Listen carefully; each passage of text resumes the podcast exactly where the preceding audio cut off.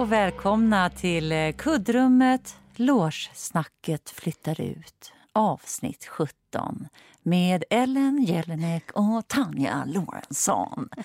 Vi sitter vid mickarna, vi är taggade och laddade. Jag började bra, men sen spårade det. Ja, verkligen. Man bara, när, vad håller hon på med? Jag försökte göra en seriös presentation.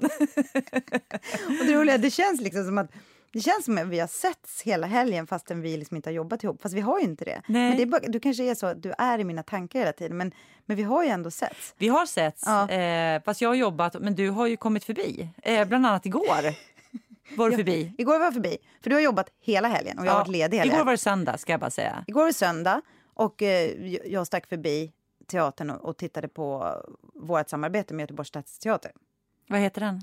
Den heter Tillbaka till Reims. Ja. Eh, så, och det var lite så här, nej men det var ju premiär igår. ja. Och jag, eh, eh, jag lurade till mig en biljett, eller man ska säga. Jag hade tur nog att få en biljett. Det var jätteroligt. Det var lite spontant. Men då Ja. stack jag in huvudet och störde dig lite innan föreställningen. Ja. Och lämnade mina grejer. Så stack jag ner och tittade på den på lilla scen. Och det är ju faktiskt det är en pjäs som kommer gå, Tony. Det heter Tillbaka till Reims. Och den är regisserad av Thomas Ostermeier faktiskt. Som är en stor, alltså en av Tysklands eh, mest kända och använda regissörer. Och eh, han jobbar, han blev chef på Schaubühne, eller konstnärlig ledare. Och det var, det var jättekul att se. Och då är det så här, det är ett samarbete. Jag ska berätta lite kort, för jag tyckte det var väldigt, väldigt bra. Jag ska ändå köra lite kort, men det finns ju som sagt, förra gången snackade jag om något samarbete som inte gick att se och det var lite dumt, men den här finns ju fortfarande chans att se. Så att vi har då, det är tre skådespelare och det är Lena Endre och sen är det Jesper Söderblom och sen är det en rappare som heter Parham som säkert är känd bland många. Otroligt bra. Och, och så är det den här tyska regissören han har gjort den på andra ställen också, men nu gör han den på Dramaten. Eh, och ja, så det är ett samarbete. Men eh, den handlar liksom om, om egentligen ett, ett möte mellan de här tre människorna i en studio. Precis som vi sitter nu, fast de ska göra voice-over på en film baserad på en bok utav Didier Eribon som handlar om ja, eh, klassresor. Klassresor och sen slutar det med... Så, så ena halvan handlar om det kan man säga, men så glider de in i det personliga. Jag tyckte det var otroligt bra. Jag hörde flera som sa att det var jätte, jättebra, så det ska bli kul att se den. Ja, alltså verkligen. Återigen det jag sa förut, apropå... Visst, nu det är svenska skådespelare, men, men det är en tysk regissör. Som, eh, och jag Ja, han så, är ju Europakänd. Han, han är är av Europas Europakänd. största regissörer. Ja, så att, eh, nej men det var jätteroligt. Den gav så mycket tankar. Det var politiskt och det var väldigt sådär... Eh, hur... Okej, om man ska bara kort... Jag ska, jag ska verkligen inte berätta för mycket. Alltså inte för det har någon betydelse för att ni ska se den eller inte, men det handlar lite om det här. Hur är det möjligt att vänstern, har, alltså vänsterröstare, gamla socialdemokrater eller vänster, har börjat rösta på högern. Och då i, i, vårt fall så kanske det är SD, i andra fall så är det Le Pen, eller, för det utspelar sig i Frankrike också, den här filmen. Och den analysen, det är lite som, har du sett den här filmen om Brexit? Det är en spelfilm om hur gick det till? Nej. Nej. Den är också jättebra. Det finns säkert flera, men den jag såg så handlar just om det här att fånga upp de människorna som känner sig utanför i samhället. Det är inte att frakta. Och hur har det gått till och vad gör vi åt det och vad kan vi göra åt det? Jag tyckte den var otroligt sevärd. Jag ska... Men det där är faktiskt en, Mm. en tyck, jag tror en ganska ny företeelse sedan några år tillbaka. Att regissörer åker och gör samma föreställning, Mm. fast i olika länder. Och alltså då med, med de skådespelarna som är i de länderna. Det, Mm. det, alltså, det är inte en turné, utan man åker och gör Fröken Julie och så har man ett koncept och så tar man exakt samma koncept, Mm. alltså samma scenografi, kläder, allting. Man gör liksom en, en kopia. Ja, och, Och det har ju varit vanligt i privatteatern. Där är det ju liksom helt reglerat. Du får inte ändra ett steg i en koreografi. Allting är ju liksom reglerat upphovsrättsligt. Men Ja, att man gör det med teater är liksom lite nyare. Ja, men det är så smart. Och det kändes inte som ett koncept. För det kändes så här, men gud, det var ju verkligen personligt med de här skådespelarna. Och sen de här bilderna som utspelar sig i Sverige, de är gjorda speciellt för Sverige. Så Ja. jag tyckte det var... Nej, men så den var jag och såg. Vad gjorde du på teatern då? Jag spelade eh, yttersta minuten fredag, lördag, lördag, alltså dubbla föreställningar och söndag. Mm. Så du har haft en riktig jobbhelg. Jag har haft en riktig jobbhelg. Medan jag, jag lägger hemma på soffan och käkar godis. Ja. Alltså, och kollat bara på så dokumentärer och läst böcker. Och så. Alltså, jag känner mig så fullproppad med... Alltså, Men har du hunnit hänga med familjen då? Också? Ja, men, ja, det har jag. Jag har till och med varit och tittat på, eller inte tittat, men du vet att min son spelar fotboll. Ja. det är så roligt. Jag, jag åker ju dit ibland, absolut. Det är Ja. inte så att jag tittar på så här. Och så brukar alltid Robban fråga så här, "Åh, hur gick det då, var de bra? Jag bara, Eh, jag stod mest och pratade med de andra föräldrarna, så jag har ingen aning. Så där är vi helt olika. Ja, och även om jag liksom otroligt. riktade blicken mot fotboll så är jag inte säker på att jag skulle kunna säga just om det var bra. Jag var, ja, de var jätteduktiga, de sprang så här. Nej, men det känns som jag har gjort massor, massor. Men jag vet vad som hände i natt. Nej. Alltså grejen är så här, gud, det var ju liksom, vi har inte suttit här på ett tag, men det har hänt så otroligt mycket saker. Men eh, i natt så, det, det, just där jag bor, det har jag varit lite inne på, att det är så Ja. mycket, det är så mycket eh, trubbel hela tiden. Så här. Ja. Häromdagen vaknade jag, då hade de kastat en sten genom vår ingång och, man bara, och, här, och det gjorde de genom vårt fönster förut också, vårt sovrumsfönster. Fick en stor sten genom så här, och jag bara, vi sov vidare för vi har så här dubbelfönster och då hamnade stenen emellan, annars hade den kommit rakt in i vår säng. Så här. Jag bara, men gud, då tänkte jag så här, är det så här mot mig eller så ingen aning. Någon har bara kastat en sten. Och i natt så, så vaknade jag eh, utav någon stora bank. Så jag bara, Gud. Och det var inga vanliga bank. Så jag bara, men det är någon där nere som håller på med någonting. Jag bara, Robban vakna så här. Och, så, och vi bor liksom under ett valv så vi ser ingenting. Så jag stack ut huvudet. Jag bara, hallå, hallå, vad håller du på med? Ja, och så märkte jag, och Robban bara tog på sig kläderna. Och jag bara, men och jag orkar nästan inte. Att, han bara, jag måste ner och kolla. Och jag bara, ja, okej. Och så går han ner. Och då, precis när jag står och tittar i fönstret och Robban är på väg ner, då är det en kille som kommer med så snott en cykel. Så han har stått och bankat låset under där ingen ser. Ah, Och Robban springer efter honom. Och jag bara, och då kände jag bara, Robban, släpp det! Då hörde, jag mig själv så svagt. Och Robban bara springer efter. Jag tänkte så här, fan det är inte värt det liksom, på Nej. ett sätt för en cykel. Men han sprang och han lyckades, för han ville väl liksom säga så här, han blir så jävla arg när folk, då snor saker hela tiden. Men så var värsta Men fick, alltså, han kunde ta den? Nej, han Nej. cyklade iväg som Ja, fasiken. Alltså. Men då tänkte jag så här, men vad hade hänt om han kom ifatt? Ja, exakt. Alltså vad ska Det- han säga? Det hade ju kunnat bli värsta trubbel. Men det är liksom... Nej, men det är så mycket som händer. Det var som den där misshandeln jag såg häromdagen. Ja, Alltså, men det är därför jag kan känna mig lite skraj. Jag vet inte. Ja, men jag blev ju vittne till en misshandel när vi var på vägen, åkte hem från teatern. mm. Och ehm, ja, men då blev jag vittne, jag ringde polisen och, och så här. Men då blir man ju medveten om ja, men det här våldet som faktiskt finns så himla nära. Mm. Eh, och, nej, det var faktiskt jätteupprörande. Det var faktiskt några vakter som spöade på några tjejer. Mm. Och det var så här, så att, men som tur var var det inte bara jag som var vittne, det var flera. Och jag hoppas ju att de där tjejerna anmält, men det är ingen som har hört av sig till mig. Så att, Ja, men det var ganska otäckt. Du sa att hon landade så här otäckt. Liksom, Nej, slog men- bakhuvudet i, i, i en stentrappa eller på Nej marken. men alltså det var sånt övervåld. För att jag menar, de var ju lika stora som vi. Och det är Mm. klart att de där tjejerna var säkert eh, fulla och jobbiga, men det är ju vakter som ska då vara nyktra. Det är ju bara att hålla fast en tjej eller vad fan som helst. Men de bara knuffar dem och knuffar rakt ner i asfalten, huvudet bara dunk. Alltså, Men Mm. det var så här övervåld. För, för jag vet att eh, vakter självklart får använda en viss mått av våld. Men det var så här, ja, men det liksom bara bubblar i den här stan. Men, men det är så lustigt. Ja, ja, för du ser ju mycket mer för du bor på Söder. Ja. Jag mm, gör inte riktigt det. Nej. Jag cyklar genom stan lite snabbt och sen så är jag på väg ut typ till landet, som inte är landet. Nej, men det Men, det, ja, men jag upplever det så lugnt och skönt där. Men det är verkligen så var det ju. Jag bodde ju på Söder också förut. Det var ju en helt annan rush. Ja, faktiskt. Men, det, ja, men vi ska inte dra hela det där med att flytta från stan, för det har alla Nej. dragit redan. Ja, ja, ja, ja. Nej, den, den, den låter vi. Nej. Den bollen eh, springer vi inte på. Nej.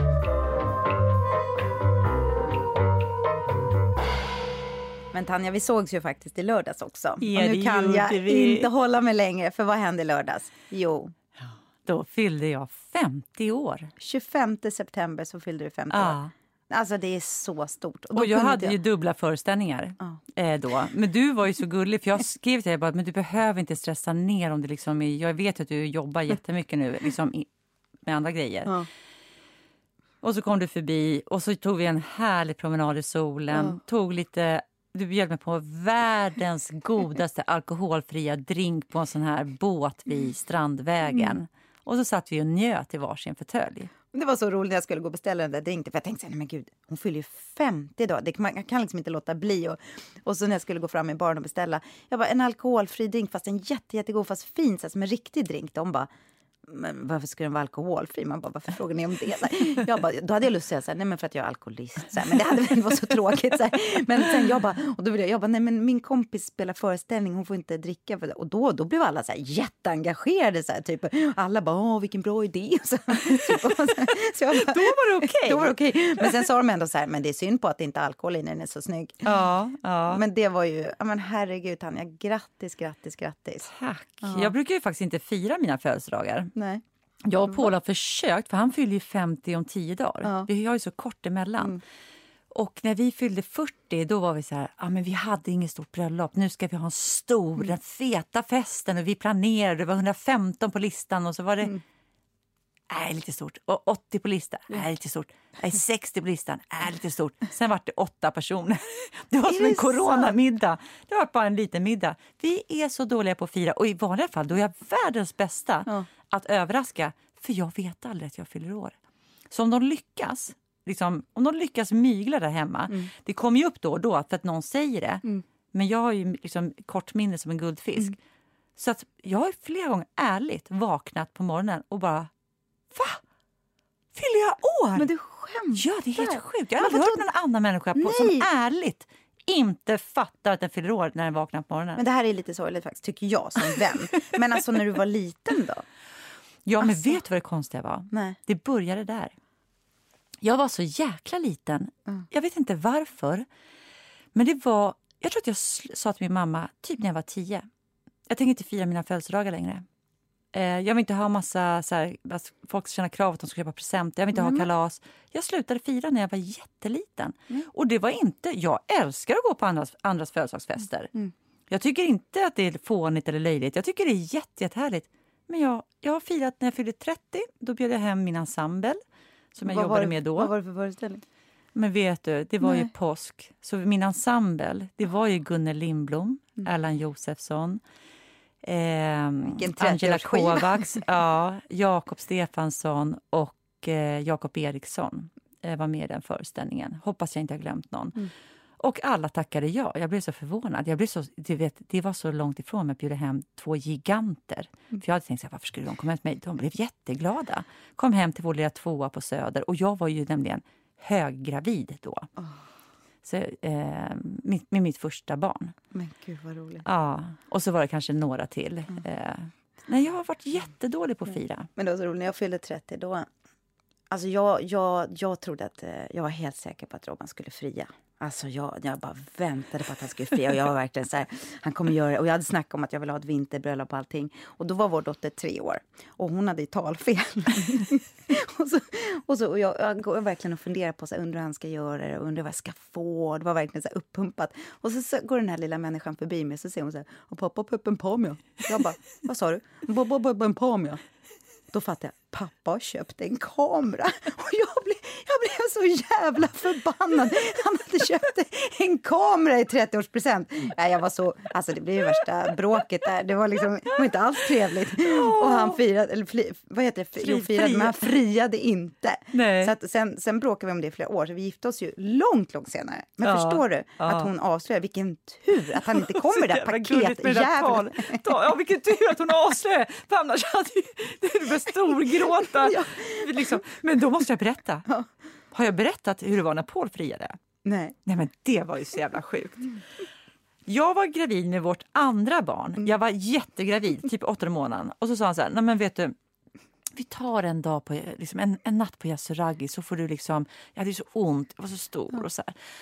Jag bara, åh gud vad mysigt. Och så var vi där och så var vi, först gick vi upp till hotellrummet, man ska byta om till sin baddräkt och så ställer han sig på knä. Och så förklarar han så här, hur, så här, varför han älskar mig, vad jag, vad jag betyder för honom. Alltså så mycket fina ord. Vet du vad? nej. Jag stod, vet du vad jag tänkte på då? Nej. Då, då tänkte, tittade jag på honom och tänkte jag så här, nej, vad gulligt. Han har, han har säkert lärt sig det här någon utbildning. Att man ska verbalisera sina känslor. Jag förstod inte. Han, människan, mannen står på knä och jag står och tittar så här. Jag fattar inte att han friar. Och jag tänker så här, ah, ah, men vad fint, jag ska också tala om någon gång för honom precis varför jag älskar också.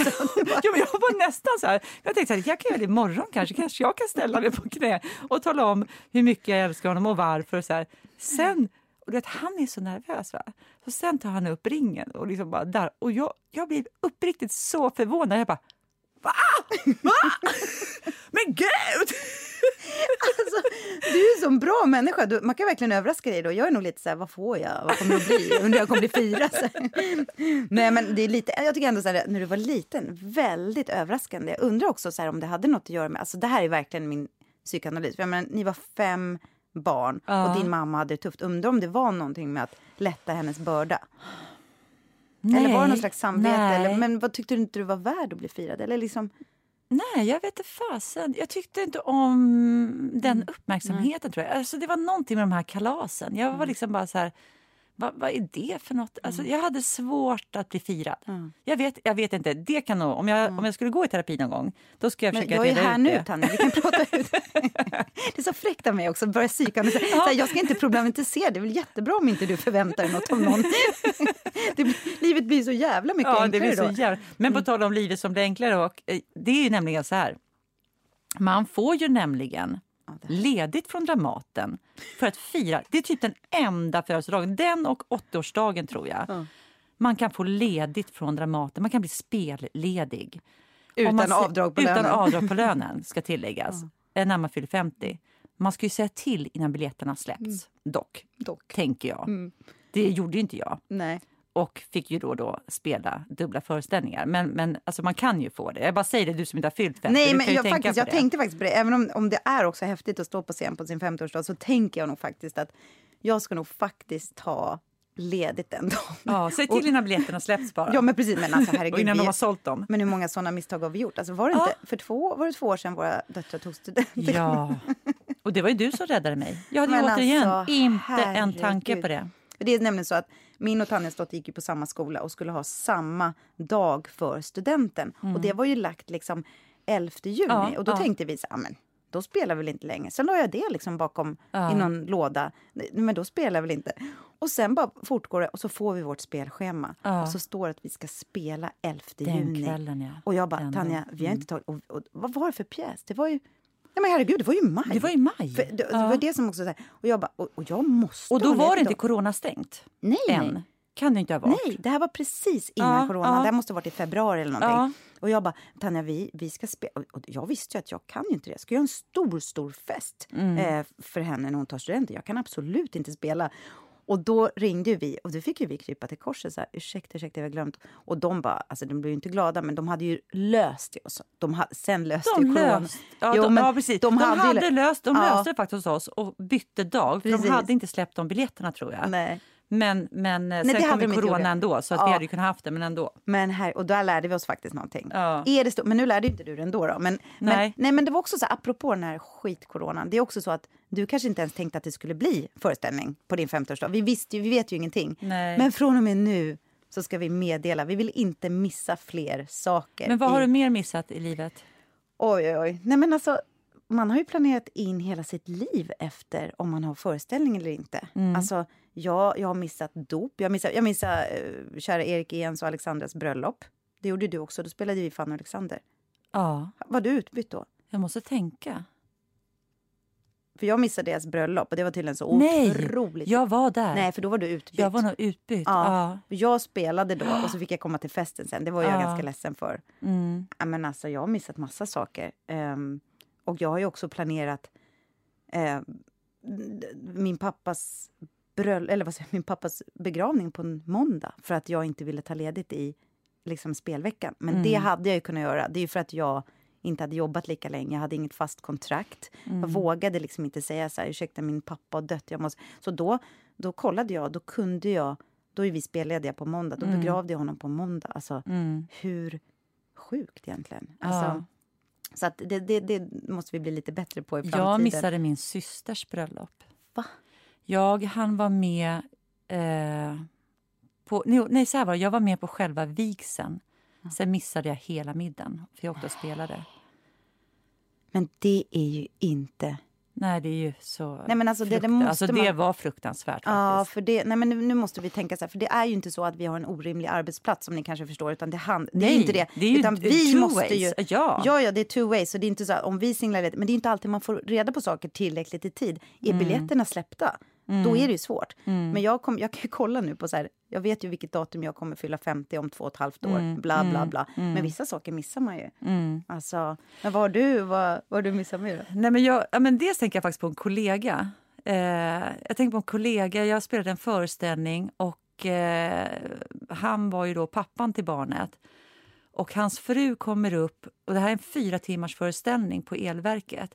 Hans fru kommer upp och har verkar. Och hon står och gungar. Hon står och gungar hela tiden här utanför och så fort eh, föreställningen är klar så åker de till BB. Det är också sådär, sådär och alla vi bara hej, vad gud, hur mår du? Man gick och klämde lite på henne. Liksom, mellan, och hon stod där åh, åh. Hon har ganska kraftiga verkar. Jag tänkte snart alltså, kommer det är ju. Jag vet ju vilka det är. Det är ju också en extremt tuff tjej Ja, som är också är i branschen. Ja. Eh, Så att jag fattar. Men alltså, nej, men vilka grejer man har varit med om. Men jag kommer ihåg första gången också. Det var en kollega som eh, skulle få barn. Och för vi, vi, det här är lite normaliserat ju, att vi vet att nej men okej, vi missar någon 70-årsdag eller vi missar här. Ja. Och så skulle han få barn. Och så kommer de och säger så här, ja vi måste ha inhoppsrep för att eh, han ska ha sina tio pappadagar. Och jag bara, vad sa du? för att när man har fött ett barn i Sverige då har man ju rätt att vara ledig tio Ja. dagar. Men jag, jag kunde inte fatta, det var inte så att jag blev sur på något sätt. Det var bara det att jag kunde inte förstå. men det fanns inte i vår världsbild Det fanns antagligen. inte i vår världsbild. Så jag undrar hur det kommer bli nu när yngre generationer ska få barn eller fylla år. Jag tror att det är fler som har tagit pappa Ja. de här tio pappadagarna. Och det, det, är ju så, det är ju coolt. Men, men det är ju i, i, vår, alltså, i vår generation, som då är runt Ja. 50, äh, antingen över 50 eller strax under 50 så fanns ju inte det på kartan att en man skulle tagit ut sina tio pappadagar. Nej, men det är också för vi spelar ju på kvällen. Ja. Och, och jag, min, min känsla är så här, men fan vill ha en, en, en pappa som springer omkring hela dagen och tittar på mig när jag ammar. Men det Ja. här är ju verkligen så här gammeldags, för det vill, Ja. folk vill säkert vara två föräldrar nu för tiden. Mm. Men jag bara tänkt så här, nej men vadå, om, om han är hemma på dagen så kan väl springa iväg några timmar på kvällen, det är väl bara skitskönt att få lite egen tid. Så här. Då kan man sitta och käka godis utan att. Men, men eh, det är ju helt annorlunda idag. Och det, och, men det är ju press åt ett annat håll också, tror jag. För jag kan tycka att vi, jag var i alla fall ganska så här loose med sånt när jag hade barn. Men det var Mm. inte så att jag kände så här behu, behu, stackars mig. Utan jag, jag, det var, jag tvingade inte min man heller. Alltså, gud. Men alltså, jag var nog väldigt självständig som småbarnsmamma. Sen behöver man dem ju mycket, mycket mer sen när de blir, när de blir Ja, större. ja, ja, men, men å andra sidan, jag glömmer en liten poäng här. Det kan ju finnas pappor som vill vara hemma. Exakt, exakt. Det kan ju finnas papper som Men- ju vill vara där de första tio dagarna. Men vad lär vi oss av det här? För det första att du har fyllt 50 och det är fantastiskt. Och Ja. vi kommer ju fira dig ordentligt på lördag. Ja, För du ska ju faktiskt ha en fest då. Jag ska ju faktiskt ha en lite mindre fest.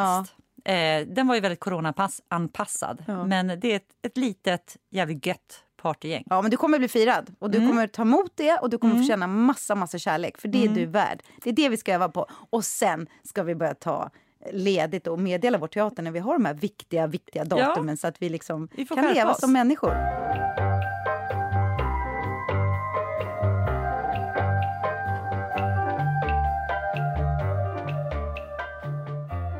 Men eh, Ellen, Mm. vi har läst två riktigt spännande böcker som vi tänkte prata, ge lite mera tid faktiskt Mm. idag.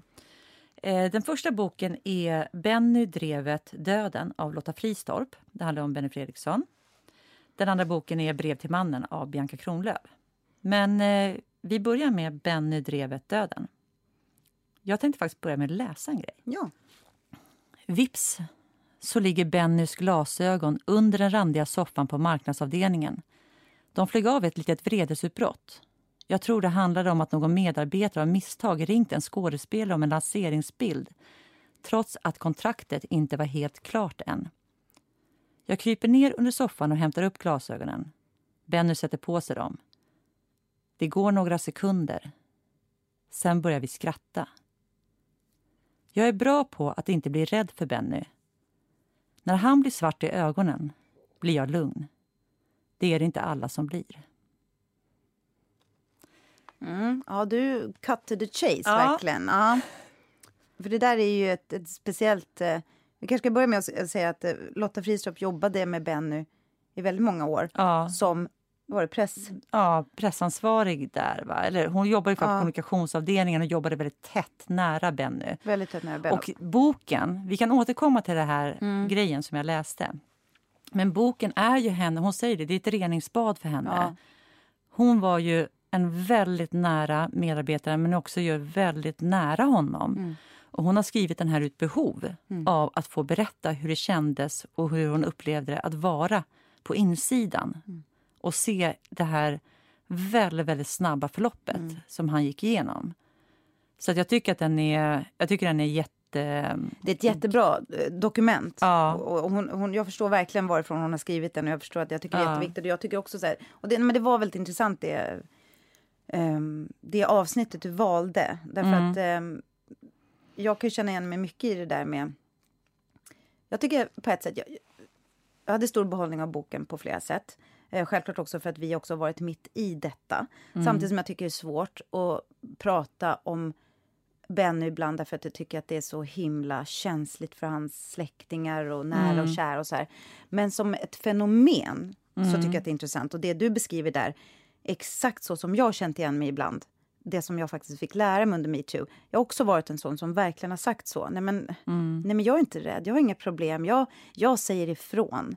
Mm. Och det jag fick lära mig efter metoo, eller under metoo, det tog tid också för mig. Alltså så här, uh, det att alla, det, det, är inte alltid något positivt att man kan ta det där eller att man säger att man kan säga ifrån. För att det hjälper inte andra. Det är inte solidariskt egentligen. Uh, så att, och, hon var ju ändå nära och tyckte så fruktansvärt mycket om honom och beskriver ändå det här som en, en, en kvinnlig bragd att faktiskt stå mm. ut med vredesutbrott. Mm. Tyvärr, jag kan känna igen mig i det. Mm. Uh, och jag har klappat mig själv på ryggen ibland och tyckt fan vad jag är tuff. Och jag har sagt emot mot stora elefanter på Dramaten. Uh, och absolut, jag säger inte att det jag har gjort, eller hon har gjort, är fel. Mm. Men min förståelse har utökats något enormt när man tänker på just de hon nämner. Att alla klarade inte det. Och Nej. hur mår de då? Mm. Det kanske de också vi ska ta in. Mm. Så det, det har varit ett stort, stort eh, perspektiv för mig under hela metoo. Men jag har precis samma grej. Eh, men jag skulle aldrig skriva det idag. Mm. Jag skulle aldrig uttrycka mig så idag. Just för att jag helt plötsligt insåg men det är ju del, en del av problemet. Mm. Eh, jag tycker boken är jättegripande. Jag tycker hon skriver den sakligt och liksom eh, stramt. Mm. Alltså hon, det blir inte... Eh, hon, hon försöker skriva den väldigt tycker jag, liksom pragmatiskt för att hålla den ganska ren, bara så utifrån hur hon upplevde det. Sen så, så tycker jag det ändå ibland liksom bara svajar till. Mm. Men just den här grejen. Hur många gånger har man inte varit i rum där män har fått vredesutbrott på teatern. Mm. Och att man då är den som kanske liksom just har kunnat orka stå kvar och orka stå pall. Mm. Det, det är ju ingenting man ska behöva kunna. Nej, det och det kan ju gälla, på Dramaten gäller det faktiskt kvinnor också. Ja. Alltså att, att det, det, det, handlar ju om människor som får sånt. Nu är det kanske fler män. Ja. Men det definitivt har vi haft samma sak med med kvinnor på Dramaten ja. som vissa blev rädd för. Ja, för det är också skillnad. Alltså det kan ju vara en situation där man blir arg för någonting för att man upplever att man har blivit jättekränkt eller någonting. Mm. Att, man, alltså att, att det blossar upp ett bråk. Men när du är den som sitter på den yttersta makten, då är du ett ansvar att inte göra alla under dig rädda. Mm. Det är det också som är lite skillnaden. Om du och jag skulle ryka ihop, det är mm. klart att vi får bråka. Mm. Det är inte farligt Nej. eller osunt eller någonting. Människor får ju bråka. Mm. Men man måste ju fatta vem man är i hierarkin. Mm. Därför att det, alla, ja. alla kan inte ta sig den rätten nej, att göra det. Nej, och då, några gånger när jag har blivit... Det är, det är faktiskt ett par gånger som till och med jag har blivit rädd på mm. teatern. Och då har jag blivit tyst, annars så skriker jag och bråkar tillbaka. Och det är mm. det som jag då slagit mig för bröstet och sagt. Så mm. Jag sa minsann åt honom. Jag kommer ihåg det var en skådespelare en gång som jag hade ställt en påse på golvet och det var en sån här stor gammal elefant. Och, ehm, och jag, jag, jag, vet att han har alkoholproblem också. Sånt eh, påverkar på så sätt att, att jag förstår att de är linjer. Jag har faktiskt den förståelsen. För jag förstår mm. när de, ja men då har de lite abstinens innan vi ska spela och så, här. så Men då röt jag till sig. Vad fan, ge fan jag sparkat mina grejer Och jag vet inte var den kraften kommer ifrån. Sen var han snäll mot mig i alla år. Men det ska inte behövas. Nej. Um, vad skulle jag säga med det? Vilken tråd var jag drog i nu? Nej, men det var bara, alltså, du var på samma tråd som vi var på. Så att jag tror, men vad, vad var din upplevelse av boken? Eh, jag tycker också som du, saklig, bra att hon har skrivit. Jag tycker att um, um, det här förloppet hon beskriver som är dramatiskt kort har jag också en förståelse för. Det är det jag också ska komma till. Det jag tycker hon gör några gånger är att hon också uh, hon nämner några namn till mm. exempel som jag tycker är onödigt, som jag känner mm. att hon gör lite samma sak. Uh, jag mm. vet inte själv hur det känns. Jag tänkte mycket på det när jag läste boken. Det är en ganska kort bok. Eh, så du, man läser den på en och en halv timme. Mm. Jag ska nog också läsa om den. Att, hur, hur, skulle jag själv känna att få mitt namn i tryck på det där sättet? Eh, jag har nog också gjort någonting på teatern någon gång som någon skulle kunna skriva en bok. Och liksom så här, jag tror jag skulle, och några av de gångerna, hon nämner en kille i Malmö till exempel. Mm. Jag känner inte till honom överhuvudtaget. Gjorde du det? Nej, alltså jag tänkte också, hur, kan, hur kommer det sig att jag har missat honom som ändå var så involverad i metoo? Ja. Han kan inte ha haft den impacten, tänker jag. Alltså, han var inte på våra kvinnliga trådar i alla fall. Nej. Det kan vi ju säga. Mm. Eh, hon nämner, ja, ja, dels kommer jag inte ihåg hans namn nu och dels så kanske ingen lust att upprepa det heller. Nej, vi gör inte det. Men jag gick Nej. faktiskt in på hans Facebook-. Facebook-sida och tittade. Och Ja. han har bemött Och- eh, den här boken. Ja, för att, för att hon, hon utpekar ju faktiskt honom som en otroligt stor drivkraft. Det kanske är så, jag vet inte. Men jag tycker att det är problematiskt i böcker. Mm. Sen förstår jag att man har jättebehov för hon, hon Självklart nämner hon Åsa Linderborg, det ska hon göra. Det var Mm. ju det som, och eh, hon, hon säger också sen att Åsa Linderborg har faktiskt bett om ursäkt. Hon vet inte riktigt om det är ärligt och bla bla, det är väl ingen som vet. Men, men honom svinar hon ju till något enormt Mm. faktiskt. Och lägger väldigt mycket skuld på. Jag känner inte honom, jag vet inte. Men det är ju en människa. Eh, Jag tror att jag tycker extremt illa om det han gjorde. För jag har själv varit med och stoppat ett drev mot en skådespelare i Sverige faktiskt. Och jag vet än idag inte om jag får betala för det. Men min, det var min absoluta instinkt. För det var ju ett sånt här drev som var på gång. Och då skrev jag det här tycker inte jag är schysst, det här tycker jag är dåligt. Och det la sig ju då. Så eh, jag vet inte hur det hade utvecklat sig. Vi har ju alla olika historier som vi bär på. Hur vi, och det har ju du och jag pratat om också. Du och jag hade ju alltså inte så fruktansvärt mycket ångest genom eh, metoo. Förutom att vi var ledsna och upprörda. Men vi försökte agera inom vår egen moral. Och det tror jag hjälpte oss enormt. Och sen nämner hon faktiskt också en kollega till oss som jag tycker mycket om. Som jag, det där tyckte jag faktiskt var lite onödigt. Men det, jag håller med, det är där Ja. jag känner att det svajar och slirar Ja. till lite. Alltså att det hade varit ännu snyggare om Ja. det inte hade funnits det. Så man känner att det finns någon form av behov av att Hämnd är ett, svår, ett, ett fel ord, men det finns ett behov av att trycka till eh, de Ja. som gjorde Benny illa. Och jag förstår det. Hon Ja. skriver också, men, men det som är riktigt... Det är inte det att det är skrämmande i boken, men förloppet går ju väldigt snabbt och det är ju den här tystnaden kring honom. Mm. Rädslan som uppstår. Den där förlamande rädslan som uppstod i, i metoo, eller tystnadtagningen. Och den var ju fruktansvärd. Ja, alla var jätterädda. Folk som ville gå Ja. fram och prata väl om Benny som till slut bara, jag vågar inte riktigt för klimatet Mm. var så hårt. Och där, alla de här där jävla hatet och hårda orden som är på sociala medier eller som folk slänger sig med. Alltså jag föraktar det. Alltså jag tycker att det är ett dåligt sätt att bedriva. Men jag tycker så här, om man ska eh, sammanfatta, jag tycker att det är jättebra att hon har skrivit boken. Jag tycker det är ett fint dokument över vad som hände och det är hennes historia. Med några små undantag där hon kanske och då tänker jag faktiskt mest på min kollega. Ja, som men- jag känner så ja. att... För men jag vill fylla på lite där Ja. ändå, om jag får göra det. Eh, därför att hon skriver ju om det som du sa, att folk inte stod upp. Det var ju några som stod upp Ja. eh, offentligt, de var ju väldigt få. Men det finns en grej i boken, de faktiskt skriver att ensemblen Mm. och några regissörer var på väg att författa ett uttalande. Mm. Men de kom liksom aldrig riktigt till skott med det. Eller att om de kände att det var liksom fel läge. Men jag tror att de sa också att, de, att det var några som hade fått så pass mycket. Jag Eh, tror det, att de ja. drog, som drog det tillbaka. Ja. Och då tänkte jag på det som hände på Dramaten. Ja. För att när det svajade kring vår förra Mm. vd och teaterchef, Erik Stube, då låg ju allt som hade hänt Benny låg ju i botten av vårt medvetande Mm. Absolut. Mm. om hur fel det kan bli. För det är klart att den största smärtan av att läsa den här boken är att Benny inte finns här. Nej, men det är så fruktansvärt. Det är Alltså, så fruktansvärt så att det är liksom... Nej, men det är... Det är hemskt. Det är hemskt. Det är så onödigt och det är så hemskt. Mm. Men, men där låg ju det hela tiden i botten Mm. hos oss alla. Att vi ville vara varsamma. Och då var det ju, då var det ju några Mm. regissörer och skådespelare som just skrev ett Mm. offentligt brev till Eirik. Tack till för det det och det, tack Mm. till. Och det här, det här var ju liksom, ska säga, någonting som slet oss verkligen i tu Mm. på Dramaten. Det här, själva det här brevet, det offentliga tackbrevet till Mm. honom eh, hade vi ju möten om. Mm. Alltså det var ju, du kunde ju ta på luften Mm. på, i de här mötena. Men jag kunde liksom, och jag förstår det ännu mer nu när jag läst Mm. den här boken. Därför att Eirik hade ju tagit med sig massa Mm. skådespelare från Stadsteatern. Flera av dem hade ju antagligen suttit och skrivit på det här utkastet till Benny Ja. och aldrig uttryckt det. Och måste ju ha haft en sån fruktansvärd sorg över att de aldrig fick, Ja. gjorde det. Så jag kommer ihåg, jag tyckte ju att att det var ett märkligt brev men jag, jag kunde ändå förstå att Mm. det var bättre för dem att göra det än att inte göra det. Ja. För hade de inte gjort det så hade det ändå drabbat alla oss för då hade Mm. de känt sig tystare. Igen.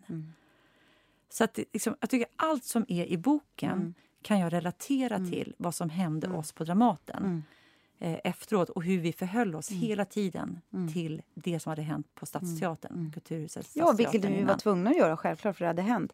Men jag tänker också på vad jag kan bli förvånad över. Ehm, jag drabbades ju själv av psykisk ohälsa. Då var ju du ganska nära mig. Mm. Och eh, jag vet inte alls, men de säger ju själva här att han lät normal. Mm.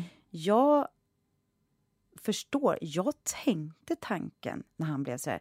Hoppas inte han tar livet av sig. Och jag säger inte det så här, åh gud, nu är jag efterklok. Jag tänkte verkligen tanken. För hjärnan, eh, när den loppar på det sättet som den gjorde för Benny. Eh, och absolut, nu pratar jag verkligen inte som om jag var någon läkare eller någon psykolog. Utan eh, det där förloppet, det kan gå så fort. Sömnlöshet, grubblerier, hjärnan slår ihop. Ångest, å- ångesten blir så hög. Jag har själv upplevt det och varit så här nära. Eh, och jag vet inte vad som hade kunnat hjälpa, men, men jag undrar om det inte var så att några måste ha sett det. Att, alltså, jag, jag fick ju hjälp. Jag blev ju omhändertagen. Eh, men ja, nej, men jag tycker åh, det är så fruktansvärt sorgligt. Och vi har ju båda, jag jobbade på Stadsteatern med Benny. Eh, och som sagt, fantastisk teaterman. Och att det här skulle behöva hända, det är fruktansvärt. Ja, och där, där tycker jag att man måste kunna liksom säga två saker samtidigt. Mm. Jag träffade Benny väldigt lite, jag känner inte honom. Men jag kunde verkligen känna hans passion Mm. för teatern. Men det var ju väldigt allmänt känt att det var ett väldigt hårt styre. Mm. Ja. Så att när jag var ordförande i Mm. artistklubben på Dramaten så hade vi ett gemensamt möte med artistklubben på Stadsteatern. Mm. Där de bad mig ställa massa frågor. För vi hade både då vår teaterchef som då var Marie-Louise och Benny. Mm. Och så skulle vi få ställa frågor till, var vi först på Dramaten så ställde vi massa frågor där. Och då var det mest frågor till Marie-Louise. Mm. Och sen skulle vi vara på Stadsteatern. Var du med på det här mötet? Nej. Så skulle vi ställa massa frågor till Benny. Och då ber de mig att ställa Mm. alla obehagliga frågor. För att eh, det fanns en rädsla för att om man var obehaglig så fick man Mm. inte förlängt kontrakt. Eller så fick man inte bättre roller. Man måste kunna hålla de där två bitarna. Mm. Ja, att han var, självklart. Mm. precis som hon beskriver i boken, det var en ledarstil som var ganska omodern idag. Mm. Men det, kan, det hade han ju säkert kunnat ändra på. Men det, det som jag tycker är svårt, Mm. svårast med den här boken det är att hon liksom pekar ut de här 40 anonyma vittnena Mm. eh, i Aftonbladet. För det är ju Aftonbladets publiceringar som skadar honom Mm. allra mest.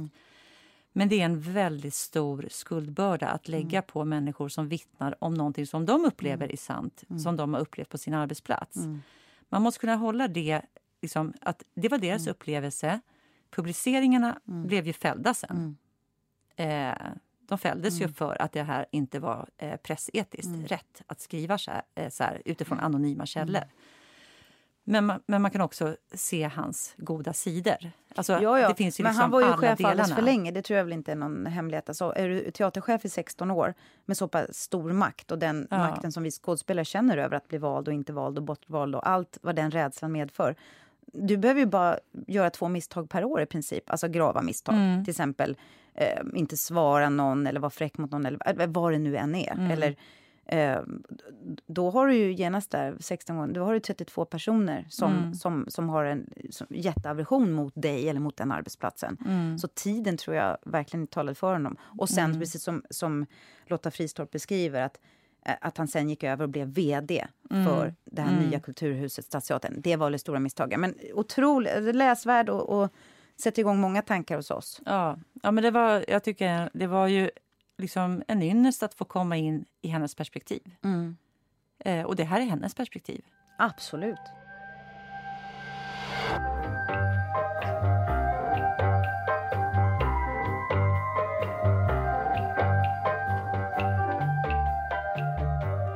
Ja, men vi har ju verkligen läst böcker nu. Och eh, om vi då var, ska man säga, i, i det som var under eller innan metoo så har det nu kommit en fantastisk bok, eh, Brev till mannen av Bianca Kronlöf som på något sätt för mig är ett så stort språng framåt. Alltså jag är så... Alltså jag beundrar den här tjejen så mycket. Vet du, jag Ja. vill ha den här boken typ i min ficka hela tiden. Det här är min nya katekes. Mm. Ja, men... Så kan jag alltid säga så här, när någon säger vänta jag ska bara slå upp en sida. Hon har uttryckt det mycket ja. bättre än någonsin. Men, men det är precis det här jag tänker. Så ska jag bara nej, men, liksom läsa lite. Nej, men hon är faktiskt fantastisk. Ja. Och egentligen så började med, med att hon gjorde ett Instagram-inlägg. Mm. Ett väldigt, väldigt bra svar. Känslomässigt starkt. Ge, alltså hon är så verbal. Hon mm. uttrycker så, så väl. Och det var ju eh, svaret till Soran Ismail efter den här dokumentären. Mm. Jag kommer inte ihåg exakt vad hon sa, men hon pratade om hur det var att vara Det var faktiskt tre, tre tror jag, filmer, för jag tror att jag såg alla tre. Ja. Jag tror att det var uppdelat i tre filmer. Ja, men det hon gör med den här boken, Brev till mannen, mm. det är att hon gör det som, som jag längtar så mycket efter. Det som vi har pratat om i podden också såklart, är att vi, det här är ju inget kvinnoproblem. Nu handlar det mycket om hur männen beter sig. Det här är ju inte, ja men det här är ju metoo absolut, det är ju tystnadtagande så. Men det här är ju mycket, mycket större. Det här är ju mm. hela kvinnliga världshistorien mm. genom alla år. Hur har, hur har vi behandlat varandra, könen? Mm. Och, eh, så hon har skrivit en bok, en handbok i. Och då skriver hon så här, jag kan läsa lite på baksidan bara så ni förstår. Det, det här är alltså eh, skriver brev till män hon mött till den slaka och den hårda, till pappan och farfar, till den ofödda sonen, till Ragge, till dig och så vidare. En hel massa, precis som Tanja säger. Mm. Eh, så här ska man då kunna ha svar på tal, eller vad man ska säga, eller lösningar. Jag läser en liten bit ur Biancas bok. Den här eh, avsnittet heter... Och jag, jag, kommer ta lite olika bitar. Det är mm. lite längre, men jag läser några väl valda stycken. Till min ofödde son. Min son, ingen får slå dig. Det känns som en omöjlighet att en pojke ska förstå den meningen. Ingen får slå dig. Ingen vuxen får slå dig, men inte heller någon i din egen ålder. Hela uppväxten för er pojkar går ut på att distansera er från det kvinnliga. Varje förelämpning mot män går ut på att förlöjliga er manlighet genom att påstå att ni är kvinnor eller ifrågasätta er sexualitet. Ett dåligt kast är ett tjejkast. Om du är känslig så är du kärring, bög eller jävla flicka. Min son, du kommer att växa upp i en värld som inte berättar sanningen för dig och det är ett svek. Det är en så feg lögn. Genom att inte ta i det här problemet sviker vi våra söner. Vi lämnar er ensamma i er upplevelse av våld. Lycka till grabben. Hoppas du kommer helskinnad ut på andra sidan puberteten. Min son, jag hoppas så innerligt att du ska få ha din sexualitet i fred. Jag önskar att du ska få sitta i någons knä jag önskar att du ska få kramar från andra män som varar längre än den tid det tar för handen att möta ryggen.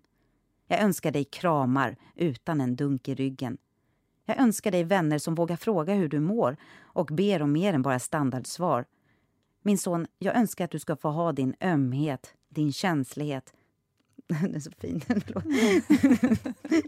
din vänlighet, ditt fnittriga skratt, ditt leende, din blyghet i fred. Jag önskar att ingen av dessa känslor skulle stå i motsats till manligheten. Min son, jag önskar att du ska få ha tillgång till alla känslouttryck utan att bli hånad eller förminskad. Det du har är en känslomässig rikedom. Du kommer bli slagen och andra har blivit slagna innan dig. Trots detta finns det inte något engagemang från andra män i samhället för att försvara dig eller för att få ett stopp på våldet. Och det är kanske den mest tragiska meningen i hela den här boken. Åh, du har ju en son. Jag har en son. Var det därför du blev så nej, berörd? Nej, men det hon säger med den här boken så himla mycket. Hon säger massa bra saker, men det hon säger också är att som många har sagt före henne, men hon gör det på ett så bra sätt. Det är så här, våld mot kvinnor är ju inte bara ett kvinnoproblem. För mm. i helvete, män råkar också ut för våld. Var är alla de männen? Det finns ju också ett jättebra där till den som typ, vad står det, inte, som, som känner sig utpekad. Alltså, eh, den heter... Eh, ska se här. Alltså till, dig, till dig som klagar? Ja, till dig som klagar. Mm. Nej, men liksom att, det är mitt favorit. Ja, men liksom att, att, att, det blir alltid så med män. Som, vadå inte alla män? Nej, inte alla män. Men alla ni män som inte gör detta då. Mm. Förena eder, så som vi kvinnor alltid har fått organisera oss. Mm. Och um, hon vänder det på ett sånt otroligt bra sätt. Um, jag är jätte, Men hon gör ju det där omöjliga mm. möjligt. Mm. Det vill säga, man kan prata mm. och kräva mm. att, att eh, eh ett, eh, erkänn att det finns ett, ett, en struktur mm.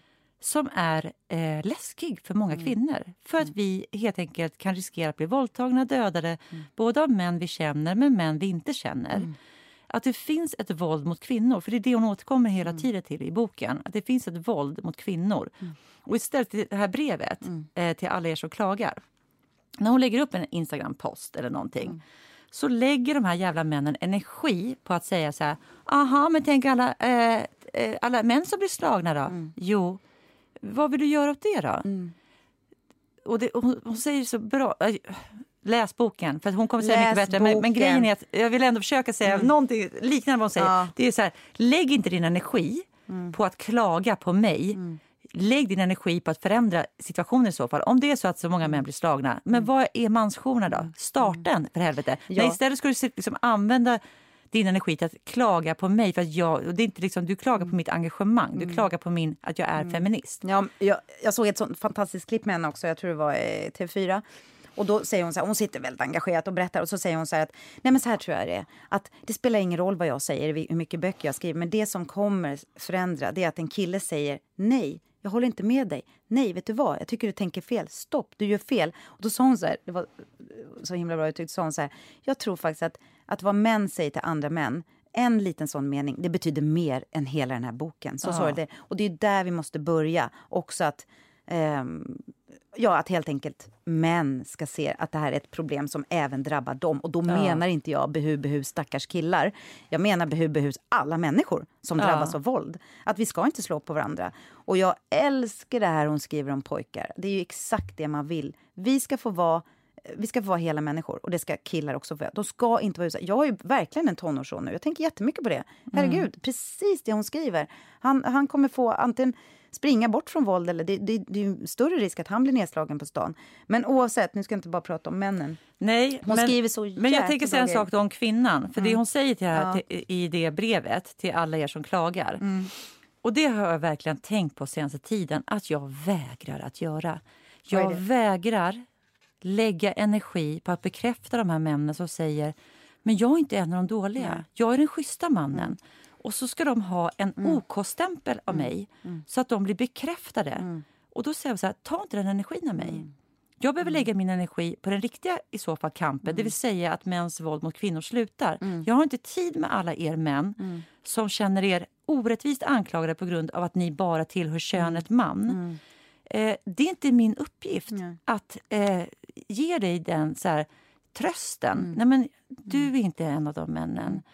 Utan lägg den energin, precis som hon säger i boken. Lägg den energin i så fall då på att förändra de andra männen Ja, som hon- utsätter liksom, kvinnor för eh, makt, Ja, våld. hon eller bjuder ju in, liksom- hon bjuder in män och då säger hon så i slutet av boken Välkommen in i den feministiska kampen. Den är hård, nödvändig, ibland rolig och passionerad, men framför allt är den livsviktig. Så hon bjuder in pedagogiskt, hårt Ja. och rakt och ärligt. Nej men för fan, läs den här boken, köp den! Kronlöf, Bianca köp den nu! Brev till mannen. Nej, men den är så den. jävla bra. Ja, den är Eh, vi, jättefin. vi, vi, du hör ju, vi kan aldrig liksom, vi får Nej. aldrig fatt i orden på, så, på det sättet Nej. hon gör i den här boken. Vi ska ha den i Men fickan, den är eller, eller vad säger jag, fickan? Eller, nej. Vi ska ha den i fickan! Och ska vi drämma den i... Nej, vi ska tillsammans eh, utveckla världen. Men Bianca Kronlöf, en stor eloge till dig. Och just att hon är så jävla rak och hård och liksom krävande hela tiden. Men utan... också öm och ja, och det är pedagogisk. Det. Det Öm är. Alltså, hon är inbjudande. Att lyckas föra en inbjudande. sån här feministisk kamp och samtidigt inte eh, stå för manshat. Nej! Hon står för kärlek. Ja. Det, jag, jag älskar henne. Och jag älskar henne. Eh, jag, då tänker jag bara slänga in ett kulturtips när jag ändå älskar Bianca Kronlöf. Fan, jag håller på att kolla på tv-serien Deg på Ja. SVT Play. Hon är så jävla bra där Ja, också. bra. Och det är Helena af Sanderberg också. Jag De tycker två brudarna. Två, de två brudarna. De två Oj, brudarna. oj, oj.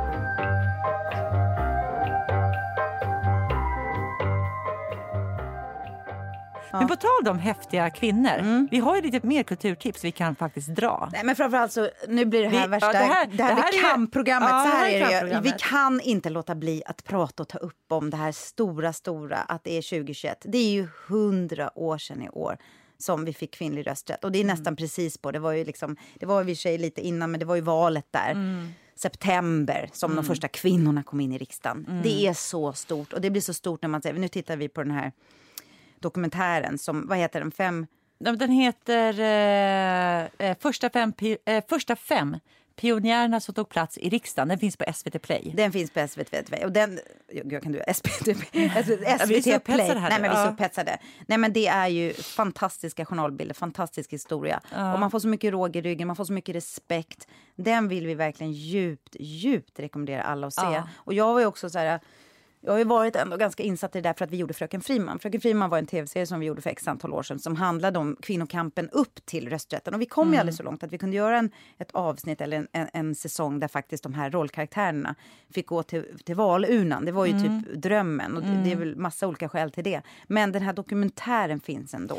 Och, då kan man ju koppla på en annan dokumentär. Eller Mm. var du klar med Friman? Nej, jag, jag är aldrig klar med något, men säg vad du ska säga. Nej, men alltså eh, Birgitta Dahls Heliga vrede. Ja, men det är lite så här, om man, om man ska titta på det lite så här, först förkampen, om vi säger Fröken Friman-gänget, fast de, fast de verkliga figurerna, eh, alltifrån Elin Wägner och alla de som kämpade i många, många år såklart. Alltså, ända sen. Och sen då de fem som kom in i riksdagen. Och vad var det första frågan som de fick ett genombrott med var barnmorskefrågan. Då gick de över alla partigränser för att eh, klara av det här därför att alla männen ville sänka eh, bidrag, eller bidragen, vad för jävla uttryck, eh, lönen, eller liksom det som de fick eh, med 50 kronor per år.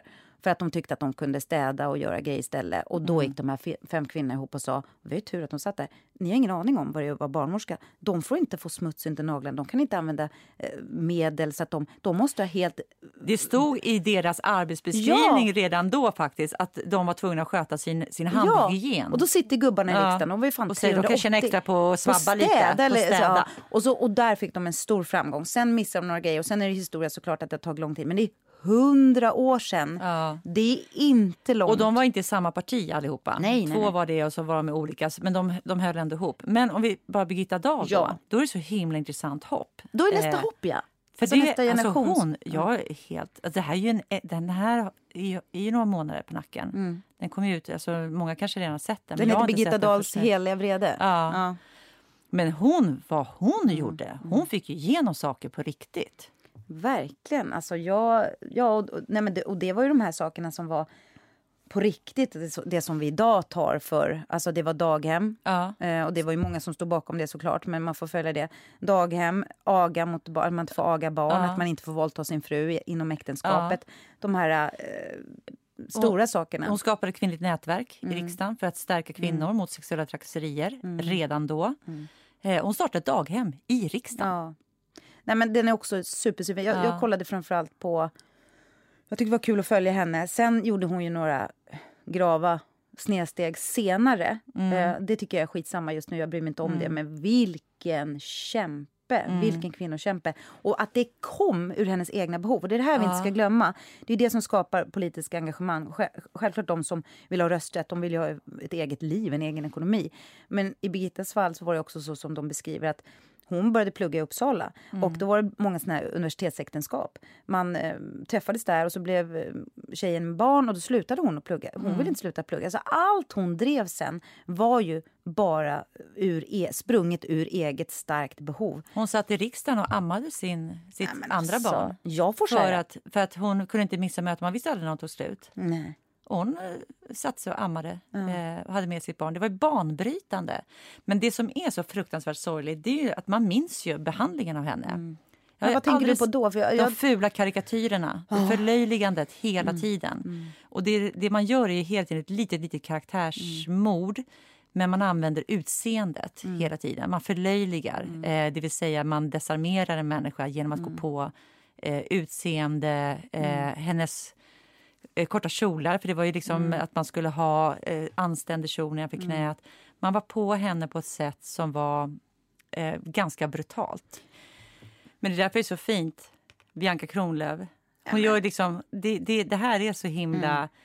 Jag tycker att det, människor som kan formulera sig på det här sättet och eh, skriva, som går liksom i den traditionen. Det här blev liksom vårt avsnitt Ja, men- lite kring, ja vad blev det? Metoo och ja, men eh, också... Jag, men, också så här, och... Ja, men alltså, så här, man får, alla får väl dra sitt strå, så länge man drar något jävla strå. Ja. Alltså, Bianca hon är ju fantastisk på sitt sätt. Jag, jag tror inte att hon skulle må bra av att komma in i riksdagen. Hon kan vara sakkunnig, hon kan göra Ja. konst. Alltså, hon gör Ja, sitt. hon gör sin och sen gör andra sitt. Alltså, Ja. så här, och sen vill jag vill också göra mitt. Alltså, förstår du? Jag har också ett jätteansvar. Det, det känner jag verkligen. Men jäklar vad jag blir imponerad av de kvinnorna som har vågat så mycket. Mm. Som hon, den konservativa kvinnan som kom in i riksdagen. Ja. Som hade kort hår Mm. Och levde med en kvinna. och levde 1921. Ja. Jag menar, jag menar vi går ju bakåt i tiden om man, om man ska vara riktigt ärlig med hur Ja. vi kvinnor försöker behaga. Nej men vilka modiga människor. Ja men vi är väldigt påfyllda. Nu har Ja, vi vi läst de här påfyllda och jag böckerna. hoppas vi har fyllt på er också nu. Ja. Så att ni får Och- liksom lite att tänka på här och lite böcker som ni kan titta, eh, läsa och lite tv-serier ni kan titta på. Ja, visa för alla era söner, era, era män och, och fasiken, sta- skåla! Skåla Ja. för att vi har 100 år. Jag säger inte jag hade sagt 150, men vi har inte haft demokrati så jäkla länge heller. Nej. Det var ju inte ens alla män hade inte rösträtt heller. Men ta en stund och reflektera över den kvinnliga rösträtten. Reflektera över våra, våra medborgerliga rättigheter och skyldigheter. Och eh, som sagt, eh, Biancas bok heter Brev till mannen. Så våra manliga lyssnare, det är till er hon skriver. Vi det är ni som ska er. läsa den framför allt, inte vi kvinnor. Nej, och ju schysstare ni är, ju mer ligger vi med. Ja, men det är ju så. Vad garvar du åt? Men säger vi tack för idag med de Nej, men du heta skämtar. orden? Det är redan slut. Ja, jag tror Ja, det. men vi är väldigt påfyllda. Ja. Och vi är så glada för att ni lyssnar. Alltså Ja. sprid och säg åt oss att lyssna. Eller säg, Ja. åt, säg åt folk att lyssna. Och, ja, vi får eh, så mycket fin feedback av våra Ja. lyssnare. Det är underbart. Skriv till oss och vi ska ta upp några lyssnarfrågor sen också som vi Ja. har, har väntande. Vi har samlat på oss en hög. Men ska vi säga tack till Ljudbang som vanligt. Ljudbang. Och Tack, tack- till Matti Bye för den fantastiska musiken. Och tack till Theresia som klipper så fint. Och tack Ellen för att jag får sitta här med dig. Tack Tanja. Och jävlar vad laddad jag är! Åh, hej då! Hej då! Kram, kram! Kram, kram!